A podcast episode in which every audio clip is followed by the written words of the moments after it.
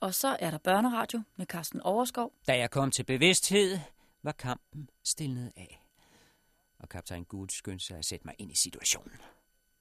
Vi holdt stadig højen. Tvalas krigere var drevet ned af skråningerne til alle sider. Fjendens angreb altså slået tilbage i første omgang. Men det var en stakket frist. Ganske vist havde det kostet kong Tvala 3.000 mand. Men vi selv havde mistet 2.000. Og dertil kom de sårede. Vi havde højst 15.000 kampklare krigere tilbage mod Tvala cirka 40.000. Hvis det skulle kaldes en sejr, så havde vi ikke råd til ret mange sejre. Tre angreb til af den slags, og vi var udslettet.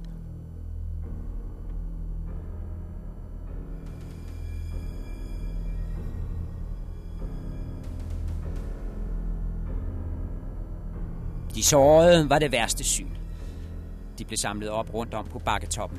En for en blev de rullet over på et okseskin og båret af sted af fire mand, en i hvert hjørne af okseskinnet, og anbragt inde midt på højen, hvor medicinmændene stod klar til at tage sig af dem. Og tage sig af dem, det betød som regel åbne pulsåren med en skarp kniv og lade den sårede udånde så hurtigt som muligt. Kukuanernes kampspyd er et uhyggeligt våben. Bredbladet, men væsset er rillet, så offeret bliver flænset op indvendigt.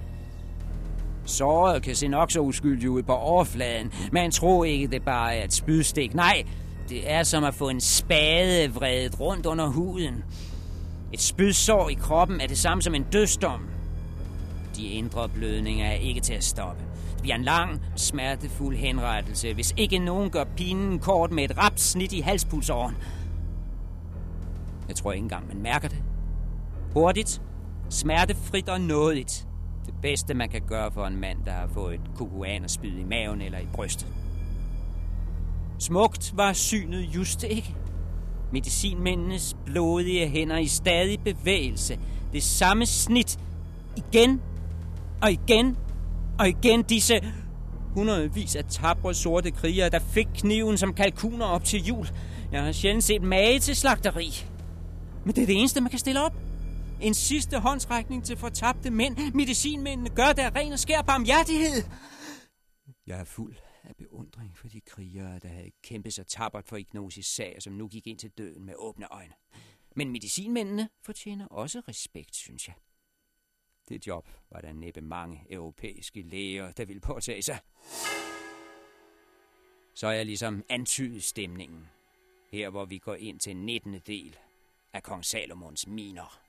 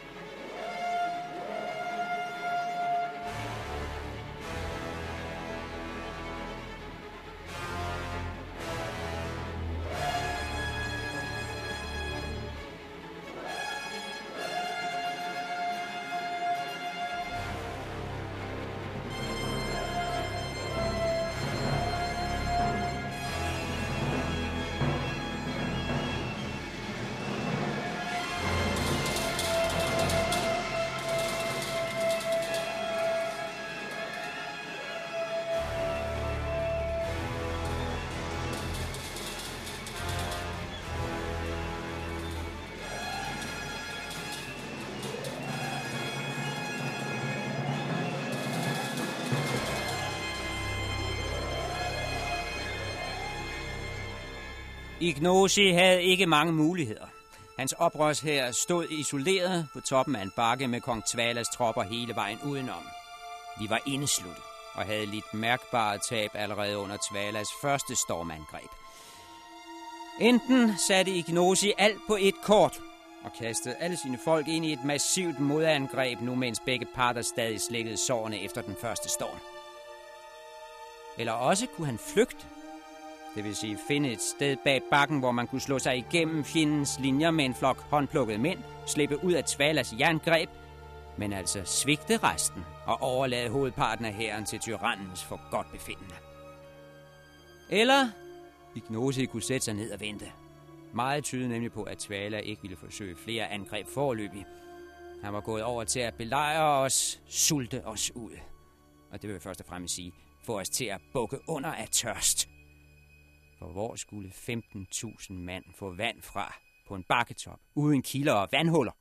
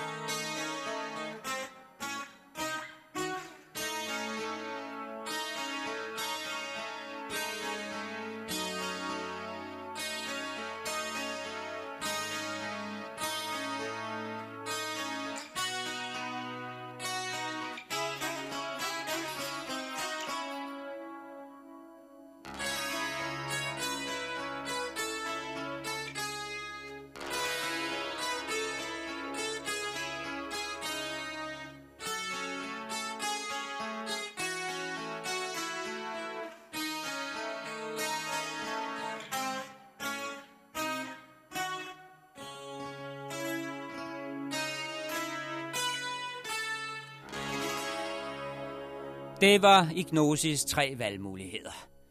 Sætte modangrebet ind nu, smede mens jernet var varmt, eller forsøge en desperat flugt, eller lade belejringen gå sin gang. Jeg er glad over at kunne sige, at han valgte det første. Særligt fordi det var vores råd.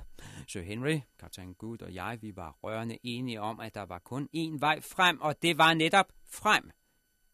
Ikke flugt og ikke sætte sig med hænderne i skødet, men slå til nu, mens Tvala stadig slikkede såren og var travlt beskæftiget med at omgruppere.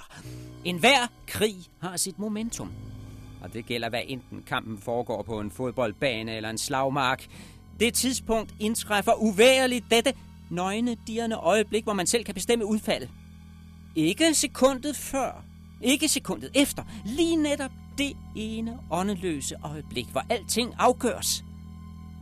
Så kort sagt, Ignosi gav ordren, før vores muskler blev stive, før kulden sne sig ind i kroppen efter anstrengelsen, før ømheden lammede vores lemmer, før trætheden efter den første træfning fik overtaget, før udmattelsen fik sat sig som sløvhed. Han greb den stund ved vingebenet og bød sine 15.000 indfødte krigere at finde deres sidste kræfter.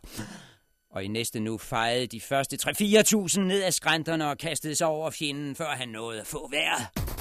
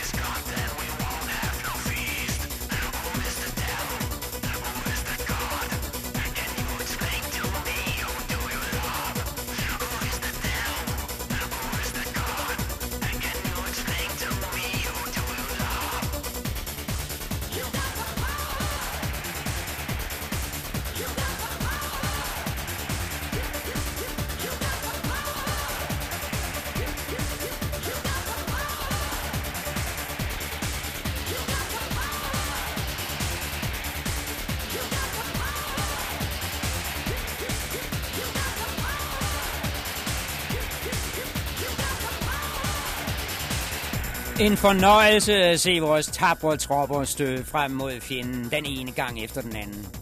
Den største hindring var ikke fjenden selv, men de bunker af lig, der skulle forseres først. Veritable volde af faldende kammerater, bjerge af døde mænd, som voksede for hvert angreb, men intet kunne stoppe dem. Stolt af overvære gamle krigere, der klød på så godt blod, at man skulle tro, det var en parade. Hærdede, erfarne folk, der tog sig tid både til at give ordre og håne fjenden højlydt, og sige vidtigheder til deres egne mænd midt i kampens hede, og samtidig selv tage del i slagsmålet, hvor det gik hårdest for sig, med stridsøkse, spyd og kastekniv. Dog, det stolteste syn var Sir Henry. Strussefjeren var væk. Pandebåndet for længst skåret over af den nærgående spyd, så hans lange, gyldne hår blafrede frit i vinden. Der stod han, midt i Afrika, og lignede en kæmpemæssig dansker fra gamle dage. Mere end nogensinde så han ud som en viking, Hænder, harnisk og økse drivende af blod. Ingen kunne modstå Sir Henrys hug. Gang på gang så jeg øksen suse i luften, når en fjende var kommet for nær, og man hørte ham råbe, Ohøj! som hans forfædre havde råbt for længe siden, når de sprang i land fra deres lange skibe for at herve en fremmed kyst. Den samme ildhu, den samme begejstring, den samme gennemslagskraft, når øksen gik bravende gennem skjold og skalp og hjerneskal og kløvede en krigers hoved, som vi andre slår toppen af et blødkogt æg.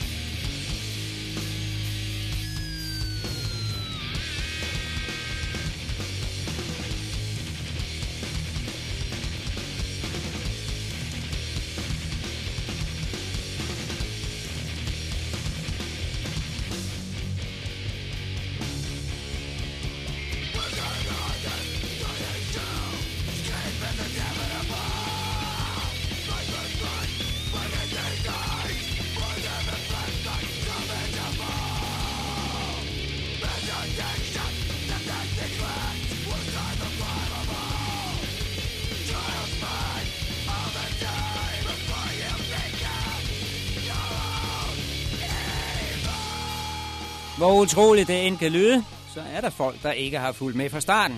Der kommer stadig nye tilhører til denne fortælling. Og de vil selvfølgelig spørge, hvad en lyshåret godsejer fra England bestiller midt i en indfødt krig i det sorte Afrika. Vel, nu ligger det altså sådan, at vi kan ikke begynde forfra hver gang, bare fordi der er kommet et par nye ører til. Det vil være en fornærmelse mod de mange, der trofast har fulgt med fra starten, og derfor er fuldt informeret om tingenes rette sammenhæng. Hvis man er for sent ude, hopper på en vogn i fuld fart, så må man finde sig i at hænge yderst og skulle have sig fast ved egen kraft, der hjælper ingen kære mor her. Det er den pris, man må betale, når man ikke kender sin besøgelsestid og kommer halsene bagefter. Beklager meget.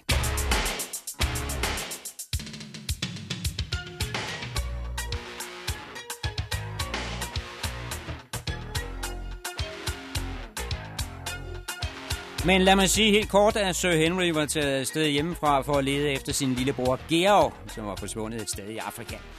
Og han havde en rejsefælde med fra England, John Good, en førtidspensioneret kaptajn fra flåden.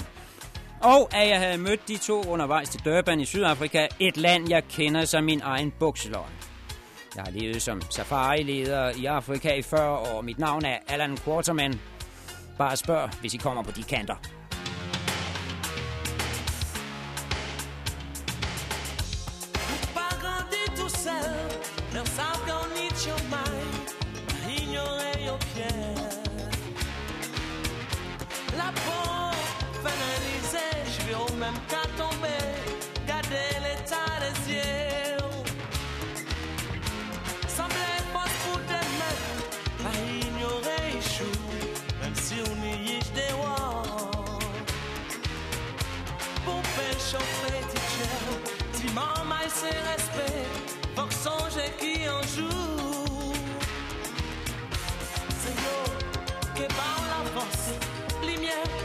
Danser Dans un joie harmonie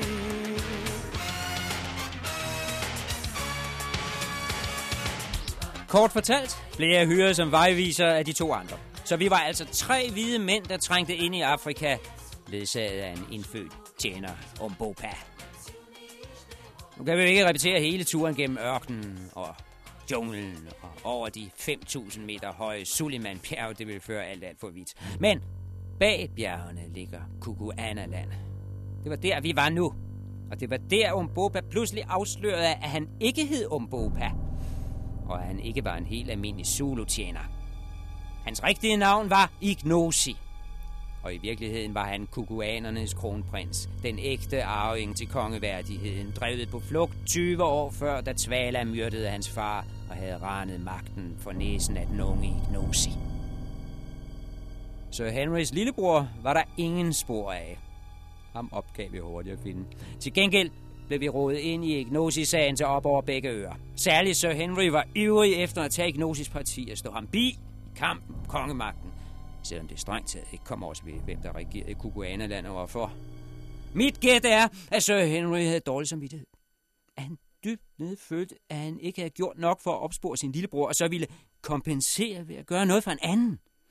At det var derfor, at han offrede sig så blind for en tilfældig næreprins midt inde i det mørke Afrika. Svært at sige. Hvem kender sindets irgang? Hvem kan finde rundt i andres hjernevindinger? Hvem aner egentlig, hvad der foregår i hovedet på vores næste? Og ganske særligt, når vi taler om adelsmænd som Sir Henry. En aristokrat med elgammelt herskerblod i årene. Deres tankegang ligger så uendeligt fjern fra os andre. Men når jeg så på Sir Henry den dag, kom jeg af til et tvivl. Var det en stolt adelsmand, der tog kampen op af lutter lyst og gå på mod? Eller var det en forpin storebror, en sjæl i bitter nød, der desperat søgte efter tilgivelse? Thinking of the wood at God's hillside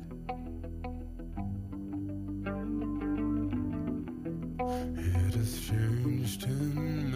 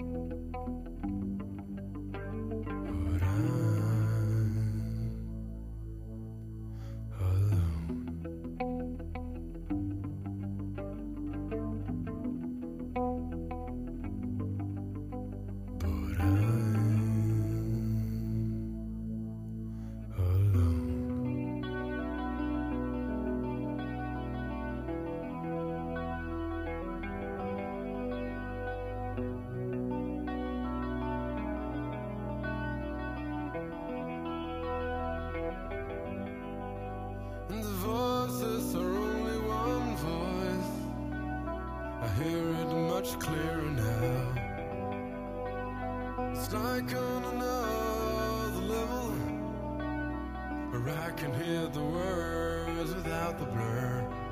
When it seems like that we can communicate, I hear him say, such a lonely soul. A spirit from the lonely skies. And somehow I recall the voice. But I just can't place it in time. Hey, you should remember me, it said.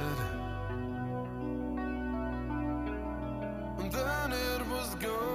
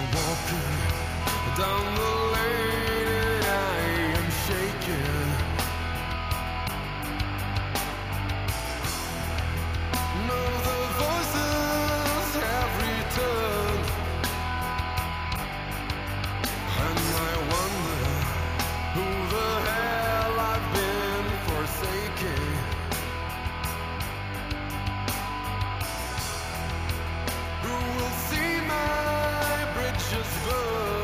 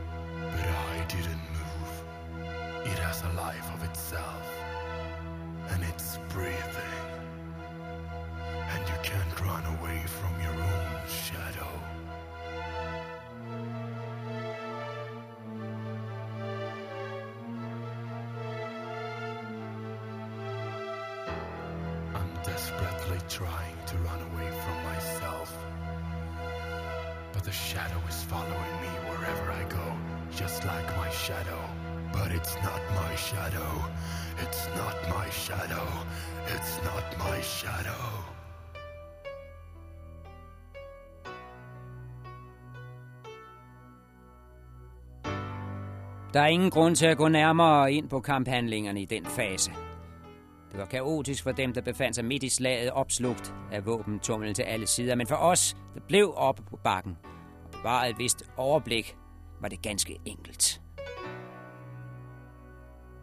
Ignosi lod sine elitetropper det grå regiment støde frem mod syd, mod hjertet af fjendens hær. Kong Tvalas midteropstilling, hvor den var stærkest, stod som en barriere mellem højen og hovedstaden. Der blev stødet sat ind.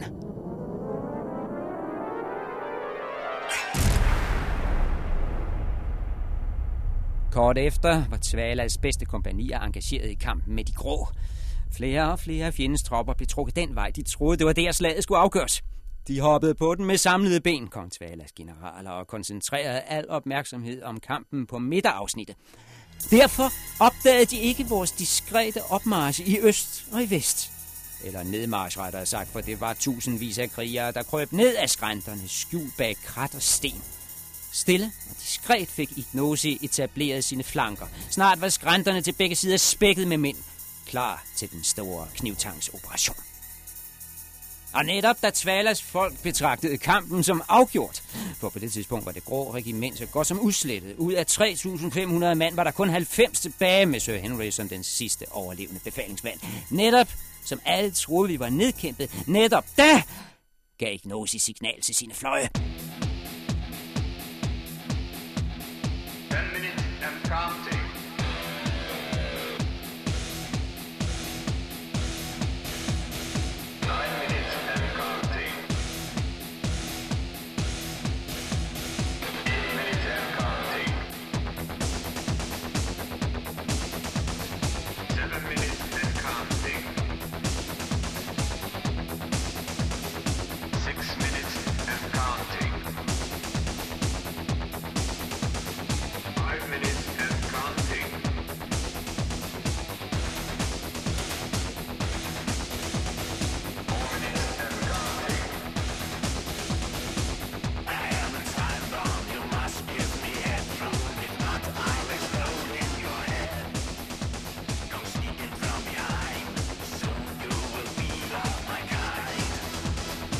Ikke mere musik her, vi risikerer at kunne klippe slutningen. Så hurtigt var det nemlig overstået. Fra dag af var det kun et spørgsmål om minutter.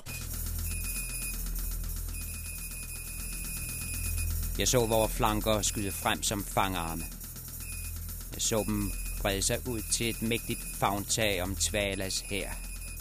Som en bjørn, der gør sig klar til at gribe om byttet og kvase det mod brystkassen. Jeg kunne lige frem se kløerne glimte. Men en meget lille bjørn og et meget stort bytte.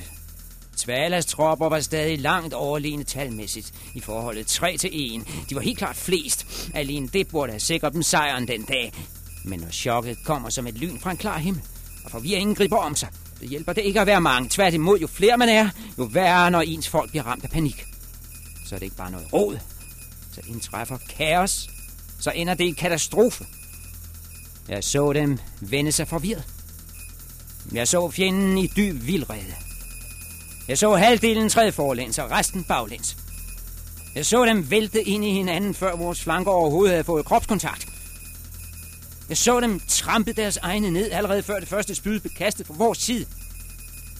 Fem minutter efter så jeg 40.000 mand vige som en forflok. Jeg så deres front gå op i limningen som papkasse i regnvejr. Jeg så deres sidste modstandskraft smelte bort som en snedrive midt på sommeren. Jeg så luften gå ud af dem. Jeg så Tvalas armé synke sammen som en soufflé, der bliver kold. Jeg så dem skifte fra løvens våben til harens. Jeg så dem tage benene på nakken alle som en. Jeg så dem rende det bedste, de havde lært. Jeg så dem stikke af som fejekryb. Jeg så dem kaste deres våben som en skov, der taber al løvet i et enkelt stormstød. Jeg så dem flygte som druknende mus fra en flodbølge. Jeg så dem styrte ind af byportene som vand, der løber ud af et badekar. Jeg så dem søge ly bag hovedstadens palisader og afvente deres skæbne som slagtelam. Så kort kan det siges. Ikke et ord mere om den ting.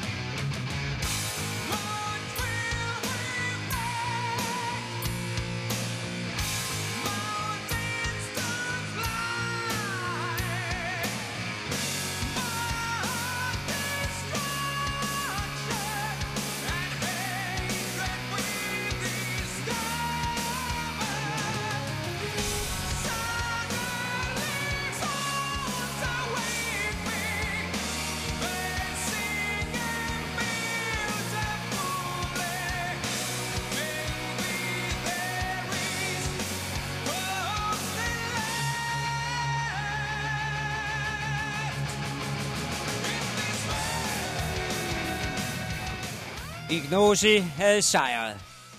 Det gamle regimes våbenmagt var gået i opløsning for øjnene af altså forsvundet som duk for solen. Vejen til landets hovedstad lå ham åben. Uhindret kunne han føre oprørstropperne de sidste mil frem til kongebyen Lu. Og også den var han så så, han viste sig foran palisademuren med sine trofaste styrker. Det var blot et ord. Et løfte om, at resterne af kong Tvalas her indenfor ville blive skånet, hvis de overgav sig frivilligt. Mere skulle der ikke til. Kun et ord. Så blev vindebroen hejset ned med et bump, og byporten slået op på hvid gab. Ignosis triumf var fuldstændig.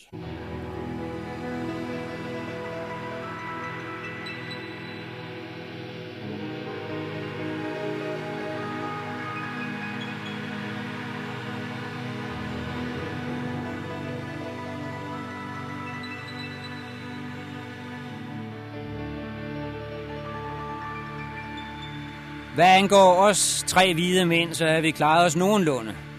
Vi var i hvert fald i live. Værst var det gået ud over kaptajn Good. Han var sat ud af spillet forløbig. Hårdt såret. Kaptajn Good havde været rasende uheldig. Han var sluppet fra selve kampen med nogle ganske få rifter.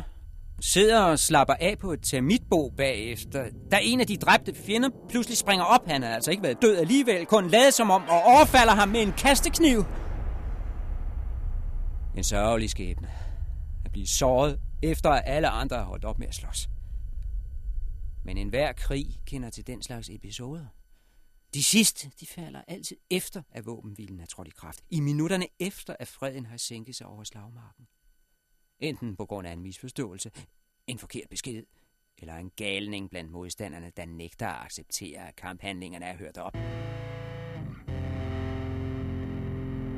Her var det kaptajn Good, der havde betalt den forsinkede efterregning.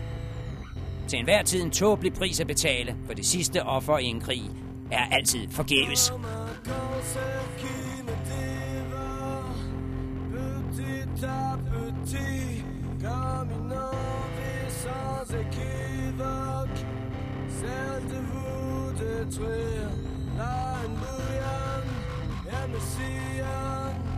Comme elle me tient chaud lorsqu'elle explose. Si elle explose, elle brûlera votre peau.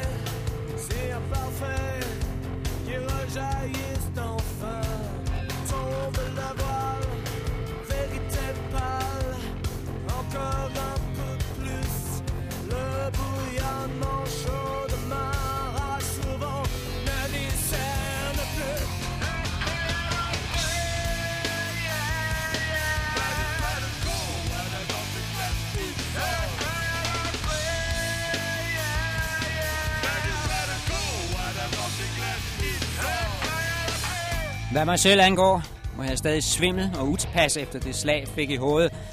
Jeg havde fået en kraftig bule, men ellers var jeg uskat. Jeg kunne i hvert fald gå selv, i modsætning til kaptajn Gud, som måtte bæres ind i byen på en borger af oksehud, og således kom til at opleve vores triumferende indtog i liggende stilling.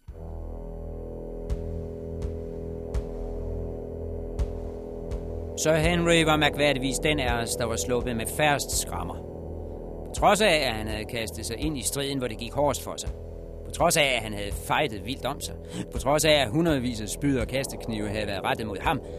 På trods af, at han havde gennemført en selvmordsaktion som en frivillig anfører for det grå regiment, hvor mindst 3.000 var signet omkring ham. På trods af alt det, så var han selv sluppet med et par overfladiske rifter.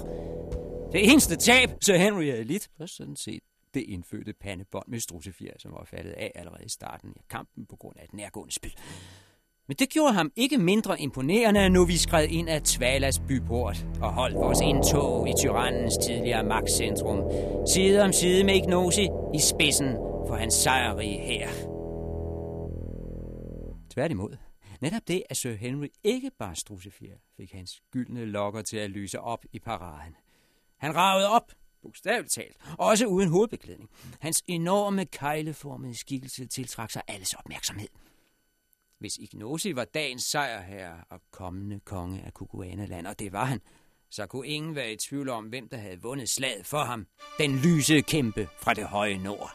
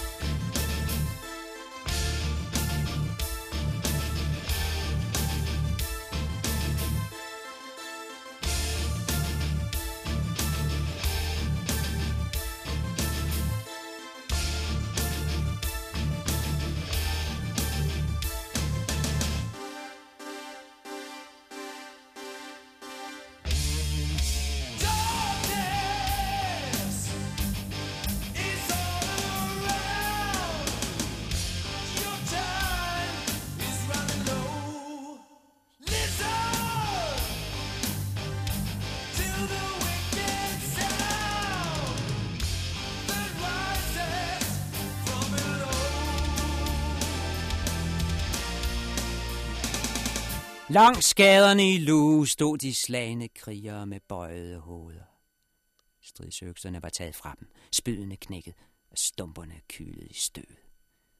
Når Ignosi passerede, så overvandt de sig selv og hilste ham som deres nye konge. Man kan ikke påstå, at de ligefrem hyldede ham. Der blev ikke skrejet af glæde i vildens sky, men de nikkede og hilste ham værdigt og resigneret. Jeg kan ikke bebrejde dem, at de havde svært ved at mobilisere den helt store begejstring. Det var en svær stund for dem. Bittert at stå som dagens taber og ynkelig ydmyget af en langt mindre styrk. Men må ikke de vidste at senere, måske allerede i aften, når glemselens slør begyndte at lægge sig over nederlaget og regnskabet kunne gøres op, der ville de vise sig at have vundet langt mere, end de havde tabt. Jeg har i hvert fald svært ved at forestille mig, at nogen for alvor kunne ønske sig Tvala tilbage ved magten. Sådan går det så tit. Man lider et nederlag, man ærger sig, man skammer sig. Men når støvet har lagt sig, og dagen er omme, ligger der en gevinst der venter. Vi opdager til vores forbløffelse, at vi faktisk har fået en fordel for ærende. At den onde skæbne har skænket os nye uventede muligheder. At selv den mest eklatante fiasko rummer kimen i sig til en ny fremtid. Det er i hvert fald min erfaring. Og den dag var der 40.000 kukuanske krigere, der bed i det sure æble og nåede frem til samme konklusion, mens de så os marchere ind i deres hovedstad med trommer i spidsen. Anderledes med kvinderne. De hyldede Ignosi uhemmet og uden forbehold. De lagde ikke bånd på sig i deres begejstring over at være sluppet af med kong Tvala og hans tyranni. Der blev vinet, der blev hyldet, der blev sunget i vildens sky. Den glade kvindelatter skyllede som forårsregn gennem hovedstadens gyder og fejede alt mismod til side.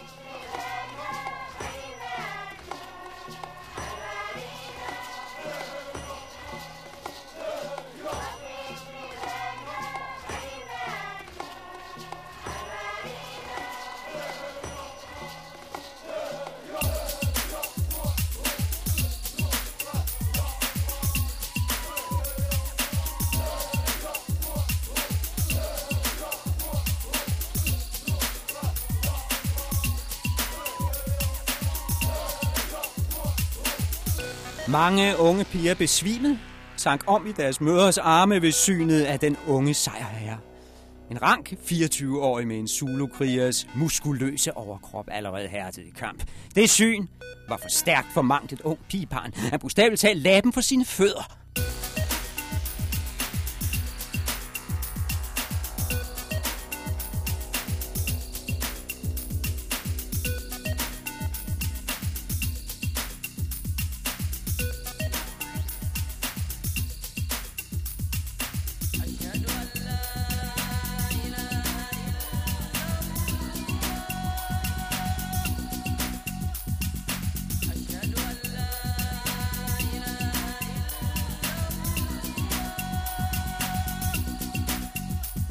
De mere modne kvinder formåede bedre at styre sig.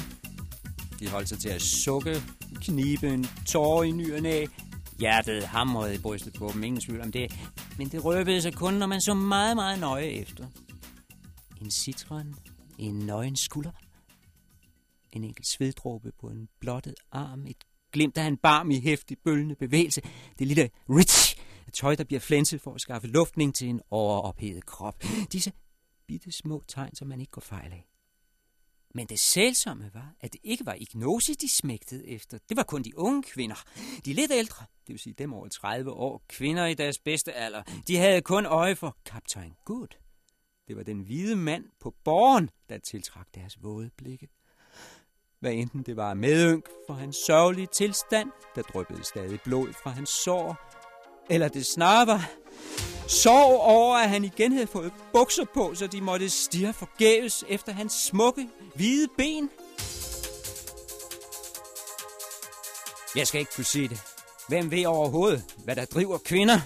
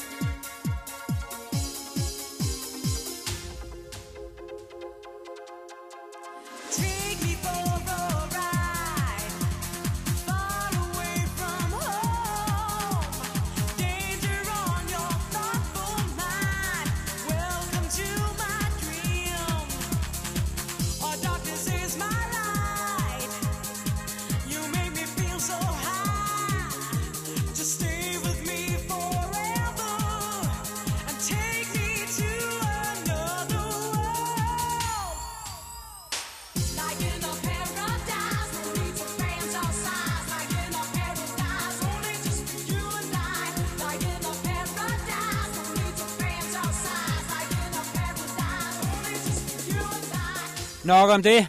Efter et time langt triumftog gennem byens hovedstrøg nåede vi frem til paladsområdet, paradepladsen med de kongelige hytter udenom. Det var der, vi døgnet før havde været vidne til Tvalas heksejagt, den store natlige massakre. Og derefter den vanvittige offerdans, der nær havde kostet en ung kvinde livet, hvis ikke kaptajn Gud havde grebet ind. Han har noget med damer, den mand. Utroligt. Altså en pensioneret søofficer, højt op i årene, men det har han.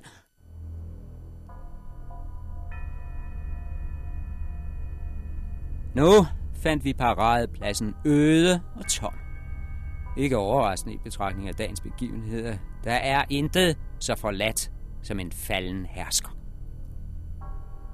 Men han var der selv. En ensom skikkelse siddende op foran kongehytten på en skammel. Sammenfald. Hagen sunket ned på brystet. Stridsøkser og skjold gled ud af hænderne på ham. De før så mægtige våben lå nu som affald for hans fødder. Et trist syn. Jeg må indrømme, at, at trods alt Tvalas grusomhed og alle hans misgerninger, så følte jeg en vis medlidenhed med ham. Det kan ikke undgå at give et sug i brystet, når man står over for et sammenbrud så bræt. En mand i fuldstændig forfald efter få timer. Der er noget dybt betagende over den totale katastrofe. Det sidste skred ned i ødelæggelsen. En konge, der pludselig har mistet alt.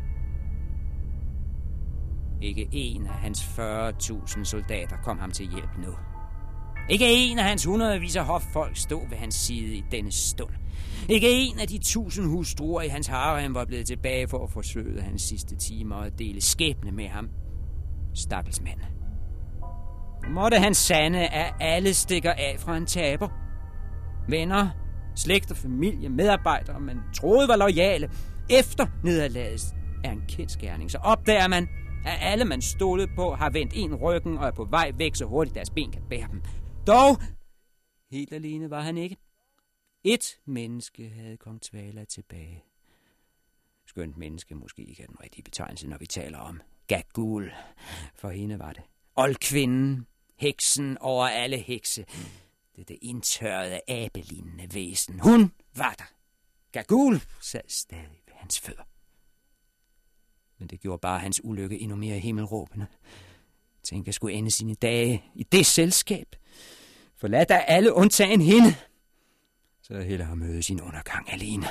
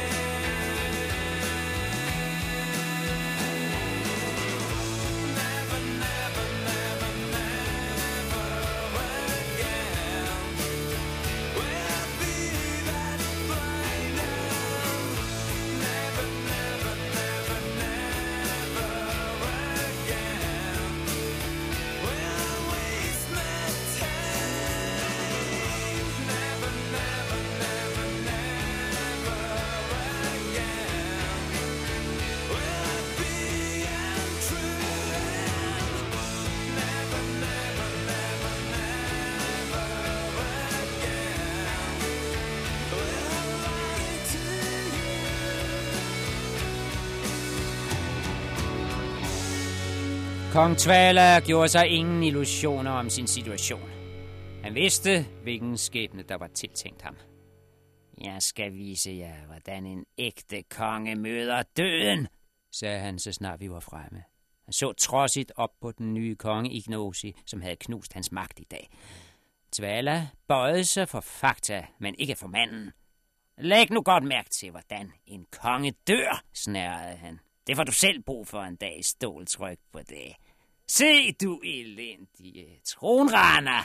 Nu synker solen i et blodrødt skær over Sulimans bjerge i vest. Det har den gjort tusind gange før, men i aften får den en ledsager, for min sol skal synke i dybet sammen med den. Men jeg vil dø kæmpende. Det er vores ret, os der tilhører det kukuanske kongehus. Dræbes med oprejst pande af en værdig modstander i kamp. Ikke krybe fejt ind i døden og udånde som en svækling i en lummer seng. Det ved du ikke, Nosi, hvis du har så meget som en ægte dråbe kongblod i årene. Den unge konge nikkede alvorligt. Han respekterede Tvala i denne stund. Man tramper ikke på en mand, der ligger ned. Nå, hvem vil så møde mig i den sidste kamp? Vælg selv din modstander, sagde Ignosi. Kan vælge hvilken som helst af mine kriger. Tvala så sig om. Hans skulende blik løb op og ned af vores geleder. En efter en blev krigerne vurderet, vejet og fundet for lette. Hans brændende øjne gled fra mand til mand, og før eller siden måtte det ske. Før eller siden ville han hæfte sit blik på os tre hvide mænd, hvis besøg havde kostet ham så dyrt. Der gøs det gennem mig, at de sidste dages redsel kun havde været en begyndelse. Den virkelige prøvelse kom først nu. Manden var seks fod høj og målte lige så meget om livet. Hvem kunne klare sig mod den gigant? Ikke jeg, i hvert fald. Jeg kunne lige så godt selv gøre en ende på det. Skyde mig en kugle for panden og afskrive et hvert håb om nogensinde at nå frem til kong Salomons miner.